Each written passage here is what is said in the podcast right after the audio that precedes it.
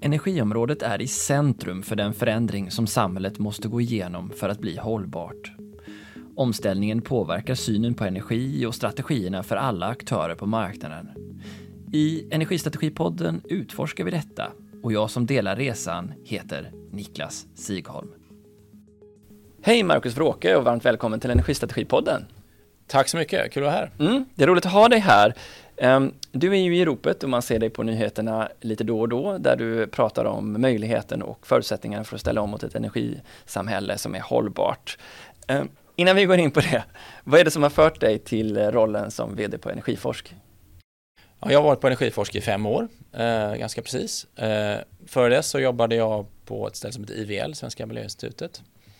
Där var jag två vändor faktiskt. Jag, jag eh, var där ganska länge i början av min karriär och sen så jobbade jag utomlands några år på IEA i Paris där jag ansvarade för deras långsiktiga scenarier eh, på energiteknikområdet. Då. Eh, och så har jag också gjort en eh, forskarutbildning på Handelshögskolan i Göteborg under väg också. Så det här med marknadsanalys i energiområdet, det har följt dig under lång tid då låter det som? Ja, men det kan man säga. Jag, jag har jobbat med energifrågor och klimatfrågor och kopplat till politik och marknad egentligen ja, alltid så länge jag har hållit på med yrkesmässig verksamhet. Så det har jag gjort och det är väl, vad är det nu, drygt 20 år. Och du då som har jobbat 20 år i branschen och du blickar tillbaka och så tänker vi kring den situationen som vi befinner oss i nu med den eh, marknadsutblick som vi har framåt. Om du sätter det här i en historisk kontext för oss, hur stor är den förändring som vi är på väg in i? Ja, för det första tycker jag inte vi är på väg in i det. Jag tycker vi är i den förändringen nu. Eh, och jag tror att den är historiskt utan motstycke faktiskt. Ehm, jag, jag tillhör de som tycker att energibranschen är en de som, de är, den har förändrats väldigt lite jämfört med andra branscher under väldigt lång tid. Eh, nästan ingenting sett i relation till eh, telekom eller medicin och så. Men det har ju ändrats nu och i synnerhet då i, i ljuset av vilka tidshorisonter som som vår bransch normalt rör sig med, med infrastrukturinvesteringar som rör sig över decennier och sådär, så är den förändringen som vi håller på med, eh, den saknar motstycke skulle jag säga. Egentligen sen vi började bygga ut elnäten i stor skala i liksom början av 1900-talet. Hur skulle du beskriva att vägen mot exempelvis EUs mål om att eh, reducera ner utsläppen med 55 procent fram till 2030 har sett ut? Och då menar jag att om du föreställer dig att du satt på IEA och analyserade energimarknaden för 15-20 år sedan så var det en annan bild än då jag tror ni såg framför er än den vi står i nu. Hur, hur, hur har det, liksom det kognitiva medvetandet ökat till dess att vi har fått sådana här beslut som leder till tydligare krav på prioritering? Ja, men jag tror att det har sjunkit in hos politiker framförallt och även hos näringslivet, men framförallt hos politiker, att det här är möjligt och att det är, finns en re, så här, rimlig politisk väg fram att ställa hårda krav eh, för att ställa om. Eh, och det har, den, den förflyttningen har ju drivits fram av teknikutveckling i, i många stycken, eh, menar jag. Att man ser att ja, framförallt då utvecklingen på sol, vind, batterier och nu senare liksom, kanske på elektrolysörerna för upprörelse vätgas har gjort att man ser att ja, men det här är en, det finns liksom en realistisk väg som inte kommer kosta mig mitt politiska liv eh, om jag driver på för den. Och det har liksom skjutit hela den här spelplanen. Så att nu är det inte fråga om så här, om eller eh, kanske långt bort i framtiden, utan nu är det mera så här, hur och hur fort kan vi egentligen göra det och vem kommer vinna? Och som ett led då i det jobbet som ni gör på Energiforsk så presenterade ni i höstas en ganska omfattande rapport med mycket forskning i ett samarbete med andra nordiska länder som heter Nordic Lead Energy Scenarios. Kan du berätta om vad uppdraget eh, var och vad er ambition var med det? Ja, det, det, ursprunget är en deklaration som de nordiska ländernas statsministrar och energiministrar tog 2019. En gemensam deklaration om att vi ska uppfylla eh, vår del av Parisavtalet. Ehm, och i den deklarationen stod någonstans att ja, och, och så ska någon säga hur vi ska göra det också. Och den där frågan, hur ska, någon, alltså hur ska vi göra, den landade till slut på ett konsortium av nordiska forskare via Nordiska ministerrådet. Eh, och det konsortiet har, har vi från Energiforsk haft hand om och jag har lett det projektet under ja, vad ett och ett halvt år drygt. Eh, för att egentligen peka ut då hur ska vi re realisera den här eh, deklarationen om att Norden ska uppfylla sin del av Parisavtalet och de nordiska länderna ska göra det. Så hur stor har liksom arbetsinsatsen varit för er? Ja, vi har hållit på då sedan, vad är det nu, mars eh, 2020 eh, och om, och projektet är ungefär på 10 miljoner svenska kronor så det är inte gigantiskt men ändå eh, det, det mest ambitiösa i sitt slag och det är forskare från alla nordiska länderna utom Island som inte hade med den här gången. Då. Och vad var det ni skulle svara på? Ja, det är, så tekniskt, hur ska det gå till? Liksom? På vilka sätt kan man bli av med lite fräckt, kan man bli av med fossilbränsleanvändningen i de nordiska länderna fram till 2050? Det är liksom den grundfrågan. Och då tittar vi på många sätt. Det är inte bara en väg förstås. Och vad finns det för avväganden som behöver göra? Vad finns det för åtgärder som man kan göra utan så stor risk? Och vad är det som kanske är mer spekulativt? Så, så försöker belysa den frågan från olika sätt. Då. Och då valde ni till slut då tre olika scenariovägar mot det målet. Vill du berätta vilka tre det blev? Ja, vi har tittat på ett eh, Eh, där vi försöker minimera den totala kostnaden för samhället. Det är, ju, det är kanske det vanliga sättet man gör den här typen av analyser. Man ser vad är det billigaste sättet att nå de uppsatta målen. Och det har vi gjort ett sådant scenario. Sen har vi gjort ett scenario att titta på om, om Norden eh, mer aktivt arbetar med att vara en alltså, energihubb i, i, i, den europeiska ekonomin. Och vi har liksom till högre tillväxt i energiintensiva industrier, större utbyggnad av, av eh, el och, och energisystemet i stort och så för att liksom dra, dra nytt, ta nytta av den här omställningen från ett energiperspektiv. Det är ett scenario. Och sen har vi ett scenario att titta på um, så högre engagemang från allmänheten, större förändringar i livs, livsstilar och beteenden och så. Så de tre scenarierna spänner liksom upp ett utfallsrum kan man säga för de här tekniska färdvägarna mot klimatneutralitet. Och vilka beståndsdelar är gemensamma för alla tre scenarier skulle du säga? Ja, när man tittar på vilka lösningar som finns att tillgå så, så ser man ganska snabbt att det är jättemånga lösningar. Eh, vissa är tekniska, vissa är inte tekniska, men de ramlar liksom ner tycker vi i fyra spår som vi har kallat det då. Eh, och de återkommer liksom i alla de här scenarierna. Eh, och, och, så är det lite olika blandningar de här Eh, alltså lösningsspåren som då resulterar i olika färdvägar, olika scenarier. Eh, och de fyra spåren som är tekniska det är då för det första direktelektrifiering där man ersätter fossila bränslen med el direkt, oftast med ett batteri, elbil för exempel. Det är indirekt elektrifiering eller elektrobränslen, ofta då via vätgas där man, man tar el och så producerar man vätgas eller kanske andra bränslen som i sin tur ersätter ett fossilt bränsle. Det är det man kallar för power to X. Power to X, exakt. Eh, och det är ju jättehett i diskussionen förstås. Vätgas är ju på allas, eller många släppar i alla fall. Eh, tredje spår bioenergi redan idag, superviktigt i det nordiska systemet. Vi tror att det kommer behöva spela en jätteviktig roll även framöver. Fjärde, koldioxidavskiljning och lagring. Och kombinerat med bioenergi då kan man få negativa utsläpp. Det är de fyra tekniska spåren som tillsammans täcker upp en stor del av liksom, ja, de här färdvägarna som vi kallar dem för scenarierna. Och sen finns det som ett raster liksom ovanpå alla de här tekniska lösningarna som ligger liksom som är jätteviktigt oavsett vilken blandning av tekniker egentligen. De livsstilsval och beteendeförändringar som vi kan eller inte kan göra då. Eh, och, och beroende på hur det utvecklas så kan det bli mycket svårare eller mycket lättare att nå de här målen och kostnader kan skilja. Så, så de fem liksom spåren Eh, beroende på hur man blandar dem kan man säga då, så får man olika vägar till de här politiska målen. Man får olika typer av avvägningar och val och målkonflikter och som uppstår. En av de frågorna du alltid brukar få på tv som vi lika gärna kan repetera här, det är ju, är det här tekniskt och ekonomiskt möjligt som du ser det, oavsett vilken väg man tar? Absolut är det så. Det här är, det här är jättestora utmaningar, man ska inte underskatta dem. Det är massa roliga problem att lösa för ingenjörer, men det är i huvudsak inte ett tekniskt problem som kommer att skälpa det här, eh, de här målen. Det tror jag absolut inte. Och det är inte heller så att det är en oöverstiglig kostnad för samhället. Det är otroligt stora investeringar som ska till, ja, men det är inte det som är den stora barriären tror jag för att nå de här målen. Vad är det vi pratar om då? Vad är, vad är in the ballpark av summan som, som länderna behöver ta? Ja, tittar man på specifikt på eh, elsystemet, om man börjar där, så för Sverige, vi har brutit ner alla resultat för, för Sverige och de andra nordiska länderna då, då är det ungefär tusen miljarder Eh, och ungefär hälften av det är elnät och resten är produktionskapacitet och mellan nu och 2045 2050. Så det är liksom storleksordningen. Sen ska man ju vara ödmjuk när man gör den här typen av, liksom, titta långt in i framtiden, bygger på antaganden om vad kostar saker och sådär. Men ungefär så mycket är det. Om vi går in på de här lite olika spåren då, alltså, det finns ju så många så man kan bara egentligen börja med att välja ett och ett stort sånt som är genomgående för alla är den direkta elektrifieringen av, av eh, samhället. Eh, och det är ju också någonting där EU har tagit en väldigt tydlig och stark position. Hur skulle du sammanfatta utmaningen kring elektrifiering? Är det industrin eh, och bilarna eller är det, är det mer än så?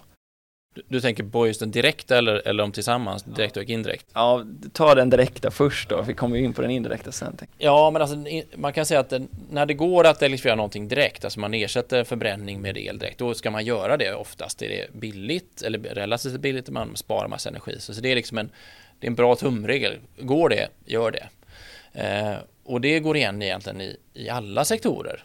Eh, det är inte isolerat till transportsektorn, det är kanske mest uppenbart, det är det som man, och även jag tar som exempel, det ligger nära och som privatpersons elbilar. Så det, det, och det är liksom redan på rull ganska mycket, ursäkta ordvitsen då, att, att där ser vi att det finns liksom redan idag en, en stark ekonomi eh, för dig och mig. Om man ska byta bil eller köpa en ny bil, då är det billigare sett över fordons livstid oftast att köpa en elbil. Så det är liksom ganska lätt att ha som men, men Detsamma kommer vi se på tung, tunga sidan, tror jag, eh, förskjutet med några år, men vi kommer se ungefär samma utveckling. Och sen i industrin finns det också jättemånga processer idag som man kan elektrifiera. Eh, det är ofta svårare att ta som exempel, både för att jag kan det sämre, men också med så många fler processer. Det kräver mycket mer detaljkunskap. Det ser olika ut i kemiindustrin jämfört med bygg och så. Så att det, det är svårare att liksom ha, ha, som exempel, men det är lika sant liksom att elektrifiering kan spela en väldigt stor roll även där. Jag tänker att EU eh, går ju ut och exempelvis säger en sån sak som att eh, förbjuda förbränningsmotorn från 2035 och det finns ju en sån utredning även här i Sverige. Mm. Finns det mm, något område som du inte tycker lämpar sig för direkt elektrifiering som nu är på väg åt det hållet? Nej, det, jag, man kan inte säga att det är så här, ja, här håller man på att göra ett misstag för att man, man kör direktelektrifiering. Det, det är klart att det finns många processer där det är dumt att använda el för att den är onödigt liksom, fin energibärare då. Eh, att, förr i tiden hade vi liksom elelement. Det är klart att vi inte ska gå tillbaka till det. Då är det mycket bättre att använda fjärrvärme eller vad det kan vara. Va? Eh, men däremot så finns det begränsningar i vad man också kan göra med direktelektrifiering. Alltså vissa applikationer, tillämpningar och användningsområden lämpar sig inte så väl. Antingen för att det är då onödigt eller för att det blir för dyrt eller för svårt. Liksom. Och då kan man ju ta exempel som flyg till exempel svårt att se att liksom på stor skala kommer vi ha på batteriflyg på långa distanser, korta kanske, men ja, då är det biodrivmedel och ja, tunga transporter kanske i viss mån också, arbetsmaskiner och så. Så det, absolut finns det massa begränsningar där. Man behöver, så att, lite förenklat kan man säga att ja, man, när man behöver väldigt höga temperaturer, väldigt höga effekter, mycket energi på kort tid, ja, då börjar det bli ibland kämpigt för däckdelfiering. Då kan man prata om så förbränning av något annat bränsle då, eh, än, än olja helst då. Det kan vara biodrivmedel eller, eller syntetiska bränslen då, som man producerar via vätgas och sådär. Har ni också tagit höjd då för att den här direktelektrifieringen påverkar distributionskostnader i elnät exempelvis? Absolut, det har vi räknat med då. Så det krävs ju förstås då systemen för att både producera och distribuera elen och hantera variationer och så, absolut. Om vi bollar över den frågan och in mot biobränslen. Eh, om man nu går tillbaka till den här förbjud förbränningsmotorn så är det ändå liksom en, en stark ska säga, preferens för elektrifiering kontra ja, biobränslens roll i ekonomin. Och även när ni tittar på scenarierna kring bioekonomin så ser man också eh, ganska stora förändringar, eller ni ser potential till stora förändringar. Kan du berätta lite grann om vad ni tänker och tror kring, kring bio, eh, biomassa som ett energislag? Ja, eh, som jag sa så tror vi att bioenergi måste spela en jättestor roll i Nordens ekonomi och även i, Sveriges energisystem under lång tid. Men det har förändrats lite grann så att för fem år sedan eh, då trodde jag och många med mig tror jag också som gjorde en typ av analys att vi skulle behöva väldigt mycket biodrivmedel. Eh, kanske på personbilsidan men framförallt på tunga sidan. Och det drev ett väldigt stort behov av biomassa för att producera de här biodrivmedlen. Nu ser vi mycket mindre behov eh, potentiellt för den typen av drivmedel, i alla fall om man tittar bortom 2035 och 2040, för då tror vi att batteritekniken tillsammans med elvägar har slagit igenom även på tung transport. Så det gör att behovet av biodrivmedel minskar snabbare än vad vi trodde då och ökar absolut inte i den utsträckning som man kanske befarar eller hoppas på vem beror om man har för perspektiv då för ett antal år sedan. Så att vi, nu ser vi att biomassan som ju kommer vara en väldigt viktig resurs. Den kan i ökande grad då användas för industriapplikationer som ett övergångsbränsle, absolut på tung transport till exempel. Eh, helt enkelt för att fylla i de här ganska stora hålen där direktelektrifiering inte passar eller blir för dyrt eller för krångligt. Så att det kommer absolut finnas en stor uppgift där. Men trycket på den här råvaran minskar ganska väsentligt då, framförallt för att den, eh, den användning vi såg på tung transport inte behöver vara så stor. Men det, det verkar också i era analyser som att den minskar på mot uppvärmningssidan. Vad beror det på? Ja, det beror på eh, att vi också då kan använda värmepumpar i ökande grad.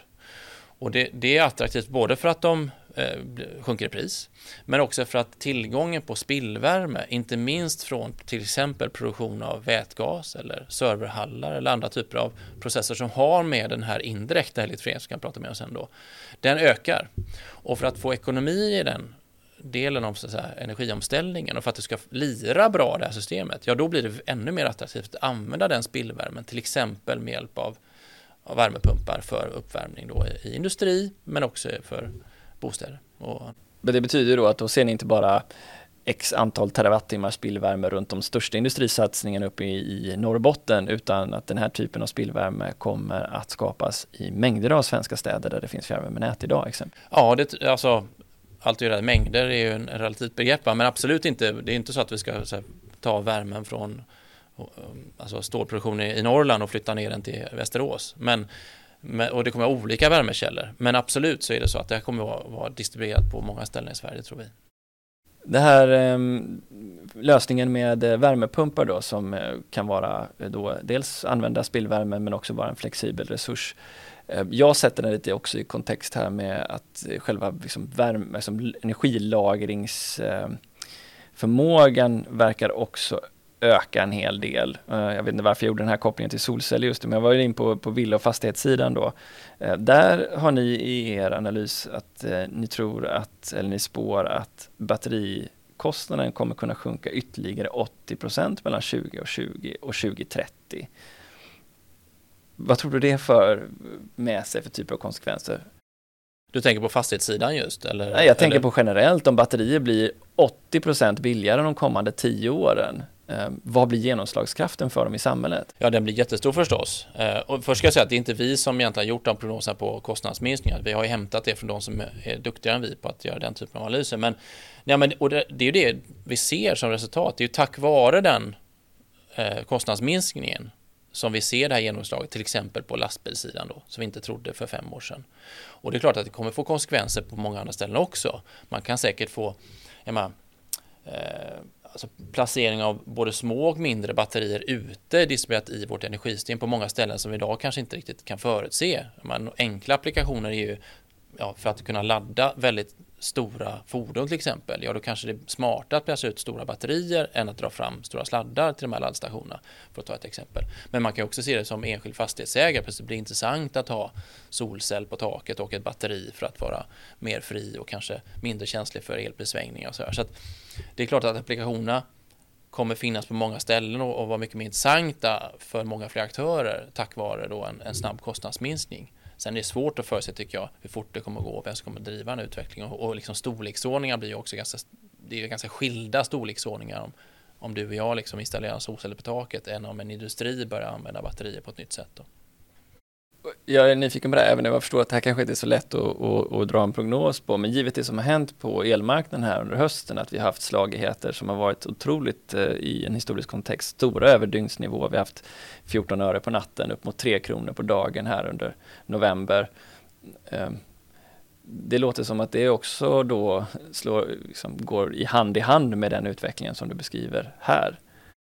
Ja, sen tror jag i och för sig att, att liksom tjäna pengar på att installera batterier för att för att kunna arbitrage liksom på en elmarknad, dit är det ju långt liksom tror jag. Eh, så billiga vet jag inte om de kommer bli på tio år i alla fall. Men däremot så kan man ju hantera eh, väldigt korta variationer och frekvenshållning, alltså den typen av eh, användningar. Men det är kanske inte så aktuellt för en privatperson. Då, då är det inte bara ett ekonomiskt beslut kanske, tror, tror jag.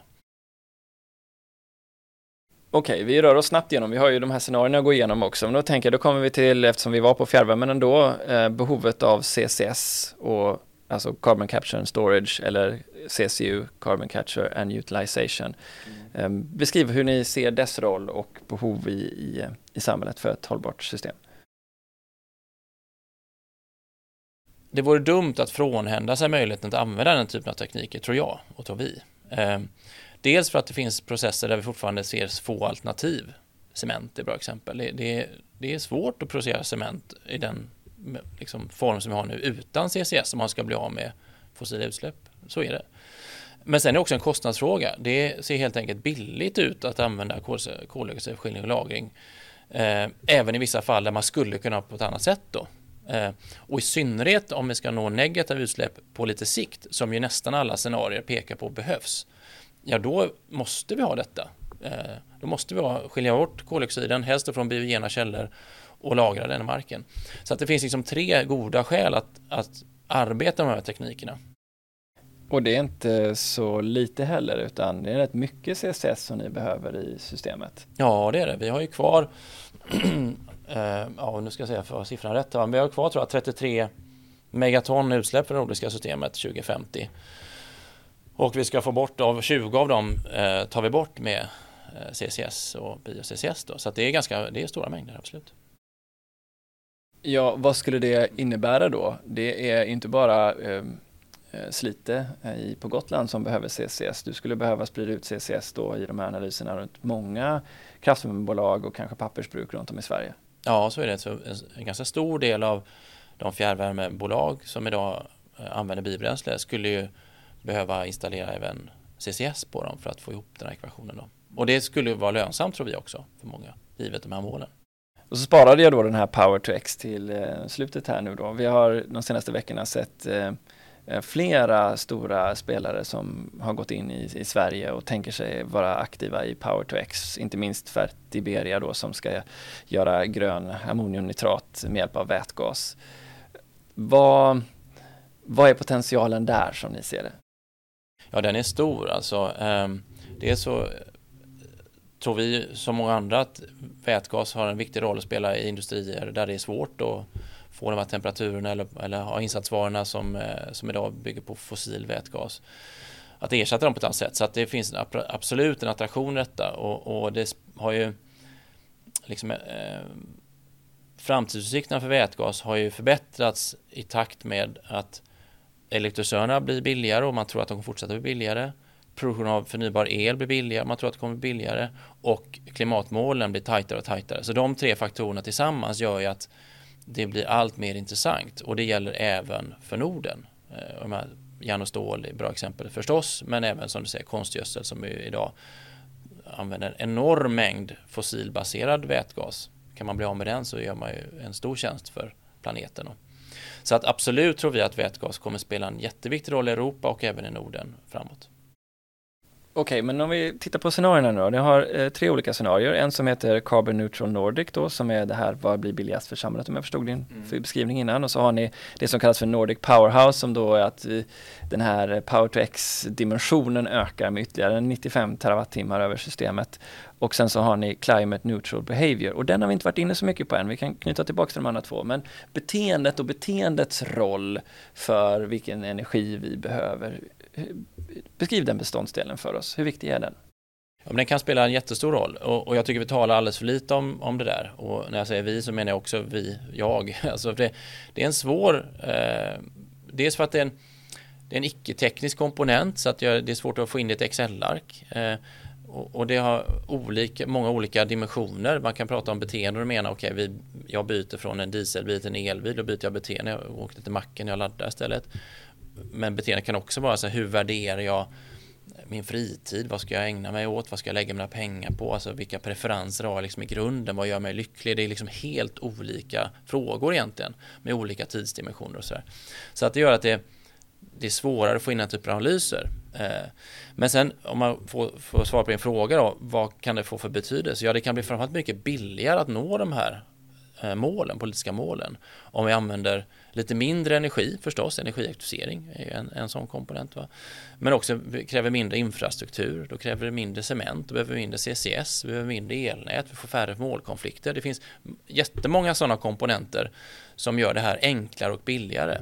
Men, men det finns en paradox också att det, det är en del av det här som är fokus för vår studie, så här, hur blir vi av med, med växthusgasutsläppen? Där spelar inte så stor roll. Jag läste det, det var ju en fråga jag också hade då. Hur kommer det sig att det då inte spelar så stor roll i era analyser? Ja, nej, men det kan ju tyckas lite icke-intuitivt då. Ja, och, men det beror helt enkelt på att eftersom alla våra scenarier är måluppfyllda, så att vi tvingar ju bort fossila bränslen i alla de här färdvägarna. Det finns ingen som säger att vi kan fortsätta använda fossila bränslen. Ja, det gör ju att den energi som vi använder om vi använder jättemycket av den, ja det blir fortfarande inga utsläpp för att den är liksom per definition fossilfri. Så att nyttan här syns ju inte liksom i klimateffekter. Så här. Man kan säga att det kan gå lite fortare kanske så, men nyttan syns ju på andra delar som vi inte egentligen har då huvudfokus här. Och det tror jag, eh, det är inte bara vi som kan göra det misstaget, att man liksom glömmer bort att det finns massa andra fördelar som har med, ja, med hur ska våra städer se ut? Eh, vad ska vi äta? Vad ska vi äta, precis va? Eh, ja, det där bommar vi liksom i den, när man tittar på det från ett strikt tekniskt perspektiv. Vad är din personliga reflektion kring det då? För ska vi ställa om till det här, eh, ett, ett helt hållbart system så är det ju massa insikter som drabbar en som privatperson och val vi gör idag om hur jag reser, äter, beter mig, konsumerar. Um, och den eh, insikten kan ju vara ganska svår att svälja om jag ska ta mig själv från vad då 7-8 ton koldioxid per år ner till ett.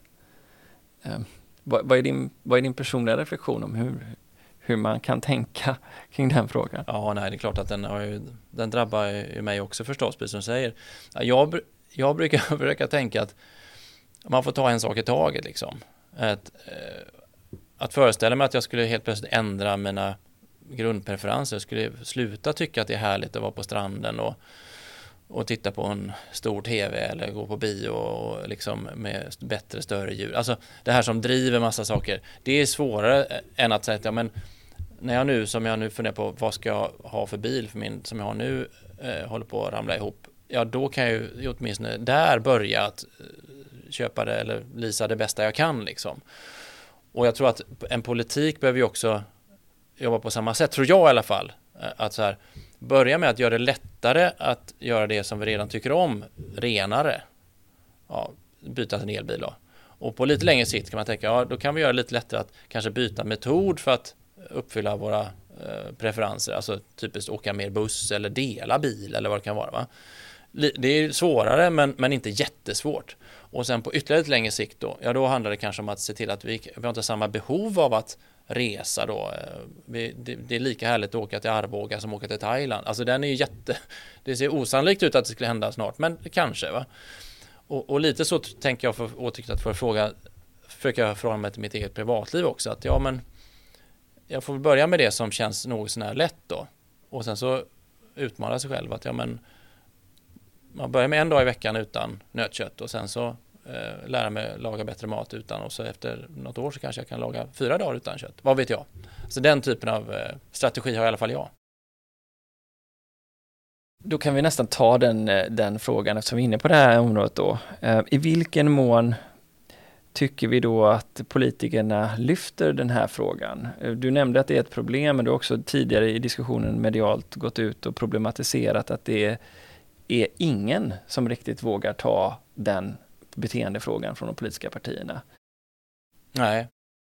Nej men det är ju, och det är väl tror jag precis eh, av det skälet att du ställer frågan till mig liksom. Man hamnar ju väldigt fort i liksom en, vad heter det, kognitiv dissonans. Liksom. Man vet att man borde göra något som man inte gör. Och det är väldigt få som kan vinna val på att diskutera de frågorna. Än mindre eh, liksom framstå som att man ger pekpinnar om hur folk borde agera i sitt egna hem eller sitt privatliv. Det tror jag är, är skälet. Det är en gigantisk kollektiv förändringsledning, det är inte så lätt. Nej, det är inte så lätt liksom att eh, även om man vet att man borde och, och att man vet att eh, kunde vi förändra det här så skulle det bli mycket lättare så är det ingen som vinner på att prata om det om man är politiker. Så det tror jag är det enkla skälet. Okej, ska vi titta på eh, det här Carbon Neutral Nordics då som är, jag tolkar ändå som någon form av huvudscenario. Hur ser det energisystemet ut bortåt den 2050? Vad har vi? Ja, för det första så är det faktiskt mindre eh, primärenergiåtgång. Alltså vi använder totalt sett mindre energi i det energisystemet 2050 än vad vi gör idag. Och det är framförallt tack vare den här direktelektrifieringen som vi pratade om. Att man sparar så mycket energi, man byter ut förbränning mot eh, direkt el. Då. Ja, förklara det för lyssnarna. Vad, hur mycket mer effektivt blir det om vi kör på eh, elen om vi använder vanlig diesel? Ja, men någonstans en faktor 3 kanske, så man sparar 75% ungefär. Varför är det så? Ja, det är för att det är stora förluster. Ja, tar man igen då elbilen som exempel, det är så bra exempel då, att ja, men stoppar du in från batteriet till eh, bil äh, rör sig framåt så tappar du kanske mellan 10 och 20 procent. Alltså 80 procent av energin som stoppar in i motorn går till att flytta den framåt. I en bensinbil så har du, har du en bra bensinbil så kanske upp till 20 procent. Så att du ser, det är liksom en enorm skillnad i energieffektivisering, eller alltså hur effektiva de är. Eh, och, och, det gäller ju alla processer. Så fort du eldar saker, och det gäller ju även biobränsle förstås, att de är ju ett bio, en biodrivmedelsbil är ju också ineffektiv jämfört med en elbil. Och det är det som förklarar mycket av den här då, eh, att det är så mycket mer effektivt det systemet för C2050 än vad vi har idag. Vad är det för eh, kraftslag vi har? Ja, på elsidan så så har vi en väldigt snabb och stor utbyggnad av vindkraft framförallt. Vi går upp mot en 50% kanske av elsystemets eh, tillförsel av, eller förlåt, eh, produktions, eh, eh, produktion av el är ungefär 50% vindkraft i systemet och uppdelat på ungefär hälften havsbaserad och hälften på land. Eh, vi ser ju en förskjutning mot eh, ehm, vad ska man säga här? Alltså vi får en, vi får en mycket starkare Eh, behov av flexibilitet, alltså den här variationen på tillförselsidan eh, slår igenom förstås eh, i andra delar av systemet. Vi behöver starkare elnät, vi behöver bättre överföringsförbindelser både inom Norden och inom Sverige och, och, och gentemot andra länder. Vi behöver ha bättre förutsättningar för att utnyttja flexibilitet i, på användarsidan, eh, alltså i efterfrågeflexibilitet. Så att det finns ett ganska stort antal som, vi, som vi känt till länge förstås. Det är bara att de blir ännu mer accentuerade än vad vi kanske trott i takt med att elektrifieringen accelererar i hastighet. En av de saker som ni skriver i rapporten som jag tycker är intressant är att ni betonar eh, fördelen som Norden kan ha av att länderna ser lite olika ut och vad man skulle kunna dra för nyttor av samarbetet mellan dem. Vad hänger det på? Ja, men det är också det som vi redan har idag, att vi har ju en ganska bra komplementaritet mellan de nordiska länderna. Vi har vattenkraften i Norge och som ju hjälper oss i Sverige men kanske ännu mer Danmark när de bygger ut vindkraft. Och, så. och det ser vi att man kan utnyttja ännu mer i framtiden då att vi när vi utnyttjar till exempel möjlighet att bygga vind till havs eh, så kan man också få eh, ökad komplementaritet mellan de nordiska länderna bara för att det är geografiskt åtskild och man smetar ut variationer på det sättet men också att man kan utnyttja resurserna eh, smartare. Men sen finns det också eh, nyttor som inte händer av sig själv, liksom, att man behöver samarbeta. Man behöver bygga ut våra elnät tillsammans, man behöver samplanera, man behöver ha koll på vad, vad är planerna i de olika länderna. För att om man inte har det, ja då kommer man få problem eller i alla fall ökade kostnader. Vad finns det mer att säga om det här scenariot nu då? Vilka slutsatser, andra slutsatser har överraskat dig i ert huvudscenario? Finns det några sådana? Ja, men, ja, det gör det. Jag tycker att två saker har överraskat mig. Dels är det då den liksom, snabba elektrifieringen av tung transport som, eh, som ser så mycket mer attraktiv ut än vad, vad vi trodde för några år sedan. Men den andra som överraskar mig lite det är att vi inte ser nödvändigtvis så mycket vätgas i det. Om vi bara försöker minimera kostnaderna för att nå de här målen, då är det inte uppenbart att vätgas är så attraktivt eh, som man kanske kunde tro om man liksom bara lyssnar på den allmänna debatten. Ja, och EU som verkar och EU, satsa. Ja, absolut.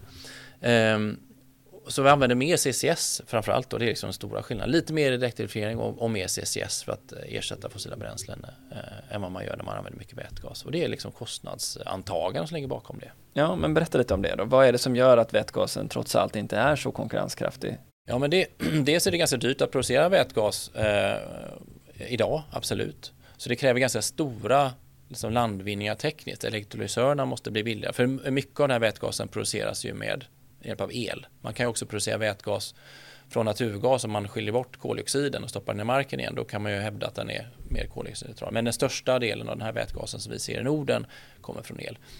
Och, så det kräver stora landvinningar tekniskt. Men det kräver också mycket infrastrukturutbyggnad. Alltså man måste bygga ny produktionskapacitet, man måste bygga mer elnät och så som, som inte är uppenbart att det är... Eh, dels är det svårt rent liksom, eh, att komma fram till det fort men det kostar också mycket pengar. Eh, så det som gör att det, det, det kräver stora investeringar som inte bara är snutna ur näsan helt enkelt. Hur ser det ut då med investeringarna i de respektive länderna eftersom vi alla har kommer från lite olika utgångspunkter? Vilka länder är det som behöver ta de stora investeringarna? Eh, är det, eller är det jämnt fördelat? Det är ganska jämnt fördelat. Alltså, sett per capita så är det, så är det så att Finland, det, har, det är större investeringar där, tror vi. Men inte dramatiskt större. Det är inte så att de har dubbelt så mycket som vi. Eh, jag tror att de har när vi försöker räkna efter bästa förmåga så är det väl ungefär 70 procent av de investeringar som ska göras i Sverige eh, har man i Finland, men de är ungefär hälften så många personer där. Så att det är den storleksordningen ungefär. Och det beror lite på också att det finns goda förutsättningar i Sverige att investera till exempel vindkraft som man sen kan exportera till Finland då. Så att det här är inte bara en kostnad, det är en investering också. Det ska man, ju, man ska hålla isär dem också. Det finns ju liksom potential att tjäna pengar på det här. Och ni behåller kärnkraften också, gör ni egentligen i alla scenarier? Ja, vi tror att det, det är jättesvårt att säga om såklart. Va? Och den som är tvärsäker här har låg trovärdighet tycker jag. Men, eh, men vi tror att, eh, att förlänga livslängden på de reaktorer vi har, eh, det ser ju ekonomiskt attraktivt ut. Inte självklart, men det tror vi. Och det kan till och med vara så att med, med, med ganska optimistiska antaganden om vad det kan tänkas kosta att bygga nya reaktorer och man har väldigt hög efterfrågan så skulle det kunna komma in nya reaktorer också. Men det är ett stretch. Jag vågar inte heller säga om det där. Men då så då byter jag ämne. Ni har med en, en, en rejäl sudd geotermi också. Berätta, vad är det ni ser där? Är det, är det värmepumparna eller? Ja, precis. Det är mycket värmepumpar. Och sen har vi Island med, så de ju, har ju en hel del. Eh, och man lägger lite eh, nya industrier där som lever på den billiga elen som man kan producera med geotermin. Så det är de två stora. Sen finns det ju, men det har inte vi med här, det finns ju massa spännande djupgeotermi eh, teknik som kommer som skulle kunna slå in här, men de, de har vi inte med där. Ska vi då titta på det här Nordic Powerhouse-scenariot där, för, för, det blir en ganska, säga, inte dramatisk, men en stor ökning av, eh, av el och elbehov. Eh, och det är nästan 300 terawattimmar export som adderas i det scenariot. Kan du beskriva vad är det du ser framför dig eh, i så många ord, eh, vad det här kan medföra? Vad, vad blir Nordens roll i det här scenariot? Ja, jag tycker man, det är två, man kan skilja på två saker. Och dels så får vi en större tillväxt av energiintensiv industri i Norden som liksom bygger på och i någon mening förutsätter också en fortsatt så här, konkurrenskraftig prisbild på till exempel el men också andra energivaror som de använder sig av. Lite som vi har haft under lång tid i Norden fast ytterligare liksom, eh, uttalat då och som en uttalad strategi kanske för Norden. Så det är den ena delen, liksom den konkurrenskraftiga energiintensiva industrin. Men den andra delen är att vi också tar en större kanske roll i att hjälpa den europeiska omställningen och då är det framförallt att exportera ren el men också potentiellt ren vätgas. Så, och det driver ju också då stora eh, mängder av, av, av elbehov. Jag antar att det också då, vi har inte varit inne på det, men sjöfarten kommer in här också i det scenariot, eller? Ja, det gör det. Och hur ser det ut? Vad är det vi kan erbjuda dem? Du tänker på alltså gentemot Europa eller? Ja, jag menar vad de ska gå på för att bli gröna. Har du med så? Ja, nej, absolut. Nej, men, och sjöfarten har, är också, eh, spelar ju sin del i det här scenariot också. Och där tror vi mycket på biodrivmedel eh, och kanske också vätgas, alltså syntetiska bränslen, elektrobränslen. Där tror vi inte att liksom, till exempel batteridrift är vägen fram. Och det kan ju vara att man använder vätgas för att sen producera eh, syntetiska bränslen. Det behöver inte vara vätgasen eh, i form av bränsleceller så, utan det kan ju vara andra bränslen som också förbränns då i sjöfarten.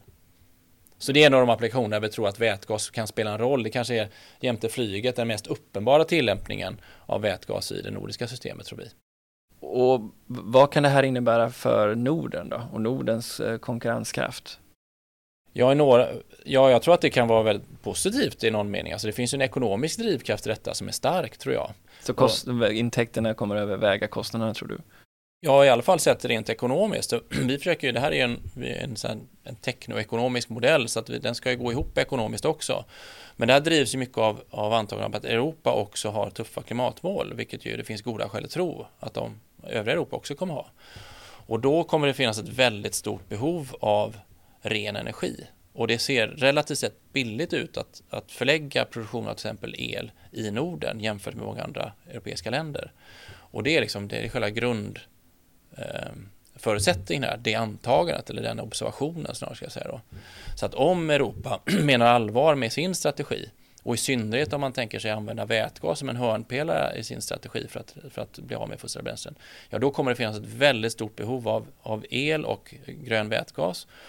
Och det finns också då goda förutsättningar att producera den elen och vätgasen i Norden potentiellt då. Sen finns det ju många frågor som vi kanske kommer tillbaka till som hänger ihop med det som inte bara är en, en ekonomisk kostnad utan det finns andra konflikter som kommer. Men då har vi liksom lagt plattformen lite grann och säger att okej, okay, det, det, är tekniskt möjligt även att ex, liksom expandera vårt elsystem. Det kanske, om jag tolkar det rätt nu, mer lämpligt att lägga en viss del av den här vätgasproduktionen i Sverige jämte andra länder i Europa då, med sämre förutsättningar. Och det skulle kunna erbjuda en, en, en skjuts för Sverige. Om det nu skulle vara ett mål för oss, vad är det som ligger i den andra vågskålen som du ser som risker och svårigheten att, eh, att komma överens om? Vi var inne på beteenden tidigare, men vad är det mer för trösklar som du ser? Ja, men det är alltså att bygga infrastruktur är inte lätt. Eh, som alla som finns i den här branschen vet. Alltså det tar tid, det finns många lokala intressen som inte nödvändigtvis tycker att det är så kul att att ha en vindkraftspark eller en, en elledning eller en gasledning för all del eh, utanför porten. Va? Och, så det är väl kärnan här, att, att infrastruktur medför alltid ingrepp i vårt landskap och, och man måste göra andra, så avkall på andra eh, värden som, som finns. Och de är fullt legitima och reella. Eh, och, och, jag tror att det liksom man kommer hamna, eller och där är vi kanske redan, att ena vågskålen ligger ja, klimatnytta, potentiell ekonomisk utveckling, kanske en ny industrialisering. Så det ligger liksom med, och det är en stor positiv vågskål. Och i andra vågskålen så ligger det lokala miljöhänsyn, kanske viss mån biodiversitet, frågor som har med äganderätt att göra, vem får bestämma över vilka resurser. Eh, Militära alltså, frågor dyker upp. Ja, så, så att det, och det där det kan man inte räkna ut i ett Excel-ark vad som är rätt och så kan man lägga på liksom en, liksom en geopolitisk dimension som är med beroende av omvärlden och liksom vilken långsiktig industriell utveckling vill vi ha i ett land och så och vad vill vi ha kontroll över och så som ju också är jättesvåra. Så att, så att bara för att det ser ut som att det är ekonomiskt intressant att exportera liksom x terawattimmar el eller vätgas så är det inte säkert att det är sett som, som land eller så. Eller för, för för enskilda intressen är det mest positiva förstås. Du tittade uppenbarligen precis som jag på SVDs fördjupade agenda om klimatet och då skrev du på, eh, efteråt att oförmåga att erkänna målkonflikter eh, är ett problem här och att alla är överens om omställningen men ingen vill egentligen prata om att hantera de oundvikliga målkonflikterna som uppstår. Och det är ju lite vad du är inne på här nu. Vad, vad är din tolkning av att, att det inte ingår i politikernas diskussion nu som du ser det? Ja, men jag tror att det är lite som det här med beteendefrågorna. Det är ingen som har att vinna på att, att prata om målkonflikter, för det, de, det finns ingen uppenbar lösning. Alltså det är inte så att eh, man genom bara lite mer information kan lösa de här. Ibland tror jag att eh, det kommer handla om att köra över vissa intressen.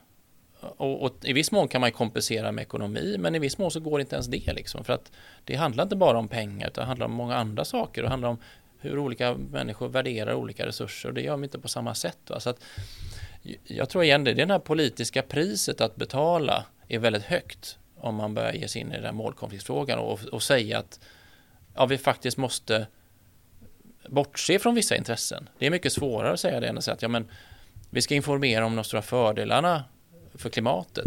Jag tror inte det kommer räcka.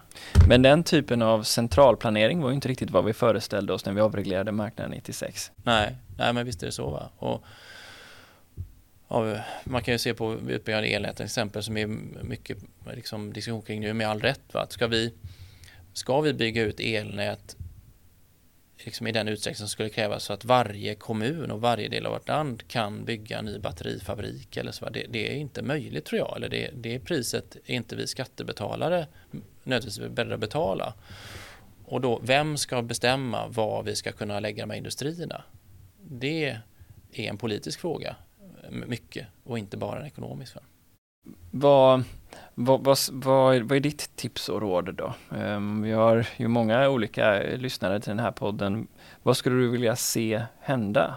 Ja, till att börja med tror jag man måste tala om det här tydligare. Så att, jag har inget svar ska jag säga. Jag vet inte hur man ska lösa det. Ibland finns det ju ingen uppenbar lösning. Därför är det så svårt. Men jag tror att tar man frågan om den här väldigt energiintensiva industrierna som nu knackar på dörren på många ställen i vårt land. Liksom. Då tror jag att vi, vi behöver, och då, när jag säger vi så behöver tror jag i första hand politiken men då kanske också näringslivet i de olika delarna. Vi pratar om, okay, men vad, hur ska vi kunna bygga ut infrastrukturen så fort som det krävs till rimliga kostnader? Och då tror jag att det kommer landa i att vi behöver liksom välja vissa ställen där vi säger att men här kan vi med goda skäl argumentera att vi borde ha energiintensiv industri och, och med den infrastruktur som går, eh, som följer med den och de behov som finns.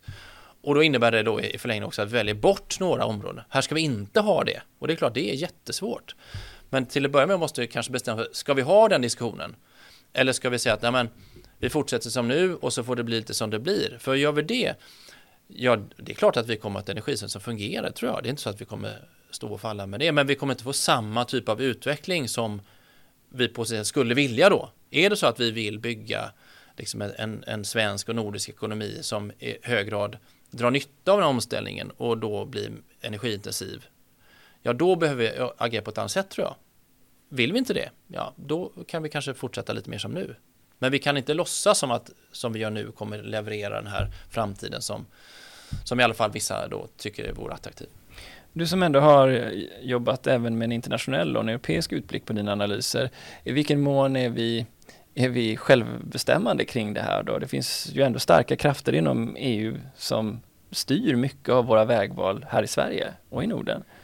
Ja, det, det, var, det är en jättebra fråga för att eh, igen då, tittar man på den europeiska strategin för att bli av med fossila bränslen så är vätgas en jätteviktig del. Om man bara tittar bara på den frågan så har vi försökt analysera att om den strategin som finns, finns en vätgasstrategi för Europa som EU publicerade för ett antal år sedan. Då, om den realiseras i en liksom, hyfsat stor grad i alla fall, då kommer det finnas ett enormt behov av el och, och eller vätgas då. Och, och mycket av den som jag är inne på ser attraktivt att bygga i, i Norden. Så jag tror att det kommer inte finnas liksom, det är inte brist på efterfrågan eller teknisk potential som sätter begränsning av till exempel hur mycket vindkraft som krävs i, eller som, som, ehm, som man kan bygga ändå, utan det är så här, hur många turbiner är vi villiga att ha i vårt landskap? Och, och bara för att få känsla för volymerna, liksom, har vi, vi har ett scenario där vi tittar på liksom, hög vätgasanvändning i både Norden och Europa. Och den elproduktionen som då, om man räknar på det, vad, vad, skulle det innebära för elproduktionen i Norden? Ja, då går vi från idag producerar man ungefär 400 terawattimmar i Norden idag. Ja, I ett sådant scenario så kanske vi ska producera 11, 12, 1300 terawattimmar el. Nästan en tredubbling. Nästan en tredubbling. Va? Och, och, det är klart att det där, det ser ju hisnande ut de eh, summorna. Va? Och, och, och ser man då mängden vindkraft då, då är det, det är klart att det är, om man tycker det är svårt att bygga vindkraft idag så är det ju svårt att föreställa sig hur ska det vara möjligt att, att bygga eh, så mycket vindkraft i Norden. Eh, men då ska man säga att den täthet av vindkraftsturbiner, man kan räkna med megawatt per kvadratkilometer, som sitter i det scenariot som, är, som ser ju så extremt ut. Det är ungefär det man har i Tyskland idag. Så det är svårt, liksom, för att återgå till det är svårt att åka till Bryssel och säga det här vätgasstrategin går inte, för det är fullt i Norden. Den, den är svår liksom, att, att tror jag, få förståelse för. Därmed sagt att det här kommer vara lätt, det kommer vara jättesvårt. Jag, jag tror att det här är nästan omöjligt att realisera de siffrorna. Va? Men, men bara för att få en känsla, apropå det här med vad styr vi över och hur, hur ser dynamiken ut och vad, liksom, hur, hur påverkas vi den europeiska utvecklingen? Det kommer vara, en, det kommer vara enormt tryck på de resurser vi har i Norden. Och såklart jättestora ekonomiska möjligheter. När man översätter de här 12-1300 terawattimmarna elproduktion, ja mycket av det går ju på export som du var inne på. Då. Antingen för vätgasproduktion direkt eller för att producera vätgas någon annanstans. Vad motsvarar det pengar? Ja, det är hundratals miljarder varje år i exportintäkter. Det är klart att någon kommer ju tycka att det är en jättebra idé. Ja, det kommer driva svensk BNP låter det ju som. Ja, det är klart det kommer göra. Va? Och, och, och, och vi kommer ju använda både för vår egen förädling här i Sverige men också att exportera de, de här råvarorna. så, att, så att nyckeln här blir då, hur väger man de intressena då? Och är det samma aktörer som har att vinna på det ekonomiskt som också har att ta kostnaden då, om den är landskapsmässig eller, eller andra värden. Va? Det är inte, där ligger mycket av det här, vem är det som tjänar på detta och, och vad får man då för möjlighet att, att gå fram så snabbt och med de ganska dramatiska infrastrukturbyggnadsprojekten som det innebär. Det tror jag är jätteviktigt då och, och få, för att få det här att lira. Då. Så om Sverige och Norden har den här konkurrenskraften idag, är det, om vi är saktfärdiga på bollen, är det givet att vi behåller den, eh, så att säga, den positionen? Kanske en dum fråga, men förstår du vad jag menar? Liksom, hur, hur långt är vårt försprång? Vad kan vi, hur länge kan vi vänta innan det finns andra spelare som är minst lika relevanta och intressanta att göra de här investeringarna i som i Sverige, enligt din uppfattning? Ja, ja med vissa resurser är ju liksom naturresurser, alltså det blåser mycket vid Norden, det kommer det göra under lång tid och, och vi har goda förutsättningar på det sättet. Men det är klart att om man etablerar till exempel vätgasproduktion och, och den typ av industrier som, som, har, som har att vinna på att ha det nära, ja, gör man det då, då låser man också in den marknaden i någon mening. Eh, och där tror jag att där, har ju, där är det viktigt att vara ganska snabb på bollen då, att, att vara liksom aktiv och, och, och, ta en position på den marknaden. Sen kan inte jag bedöma liksom hur, i vilken grad är det här, kommer det här vara globala liksom varor som handlas på en global marknad inte spelar så stor roll. Va? Och jag tror att ja, till exempel då, sett i ett globalt perspektiv så tror jag det kommer vara kanske ännu mer intressant att producera vätgas där det finns mycket sol. Menar, ganska snart så kommer man kunna producera sol till kanske 10-15 öre kilowattimmen om man inte kan göra det redan idag då, på, på vissa ställen i världen. Och det är klart, det kommer vi ha svårt att konkurrera med Eh, även med våra goda resurser, om man bara ska producera. Så då handlar det om att till exempel kombinera det här med andra hö högre förädlade varor. Ja, våra stål, järn och stålprojekt i, Nor i Norrland är ju ett bra exempel på det, där man har liksom väldigt goda liksom, synergier mellan de råvaror som finns naturligt här och de möjligheter att producera insatsvaror som vätgas till exempel. Då. Vi har inte pratat så mycket om, om solen. Eh, den bedömer ni ju också eh, gå ner rätt så kraftigt i pris fram till 2030. Ja. Vad är dess potential i det svenska systemet?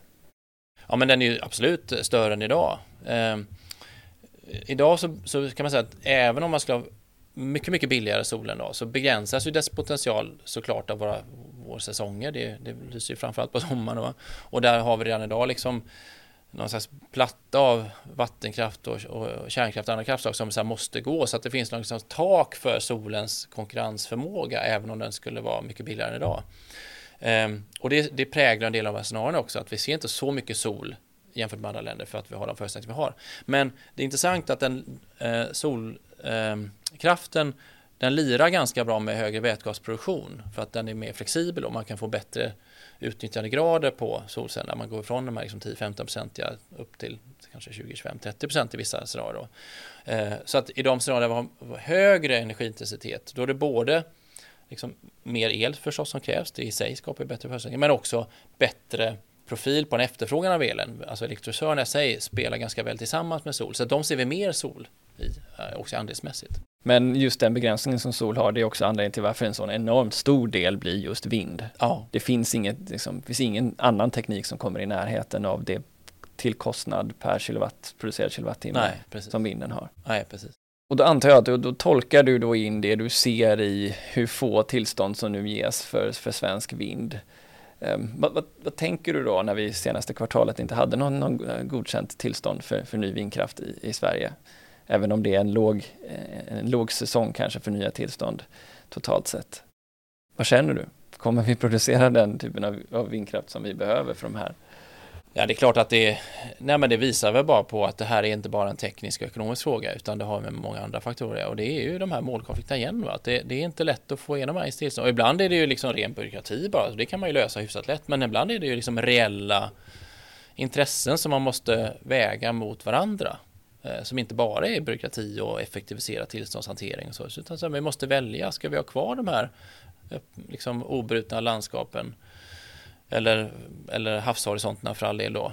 Eh, och, och, betala priset någon annanstans eller ska vi göra avkall på det då? Mm, och vem ska få besluta det? Och vem ska besluta det, ja precis vad är din egen take då, eftersom du har visat nu med den här teknoekonomiska analysen att det egentligen inte är en ekonomisk fråga för oss utan det är en politisk balansakt att få med sig folk att acceptera liksom, nya beteenden var vi inne på men också nya horisonter som, som vindkraften kan föra med sig. I, I vilken grad har den här eh, fördjupade insikten i energisystemen gjort dig mer positiv eller negativ till, eh, till, till framtidens eh, liksom, potential för mänsklig överlevnad om jag får dramatisera. ja, just det.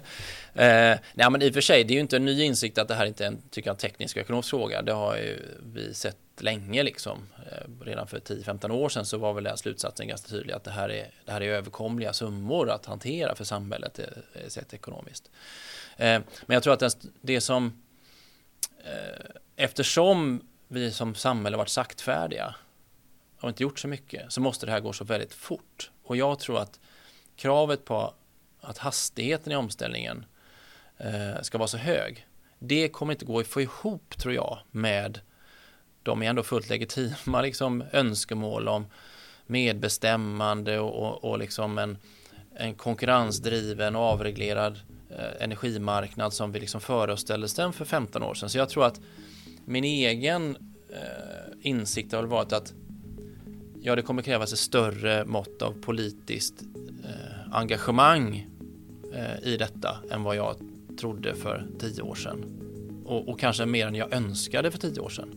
Jag tror att det här är ett, det är ett mindre eh, Alltså det hade varit bättre att göra på ett annat sätt. Men nu är vi där vi är och då tror jag att ska vi lyckas med det här och göra det här fort, då, då behöver vi göra vissa avkall på den strategi och den filosofi som, som var liksom dominerande i vårt sätt att planera och styra energiutvecklingen i Sverige och Norden. Det tror jag.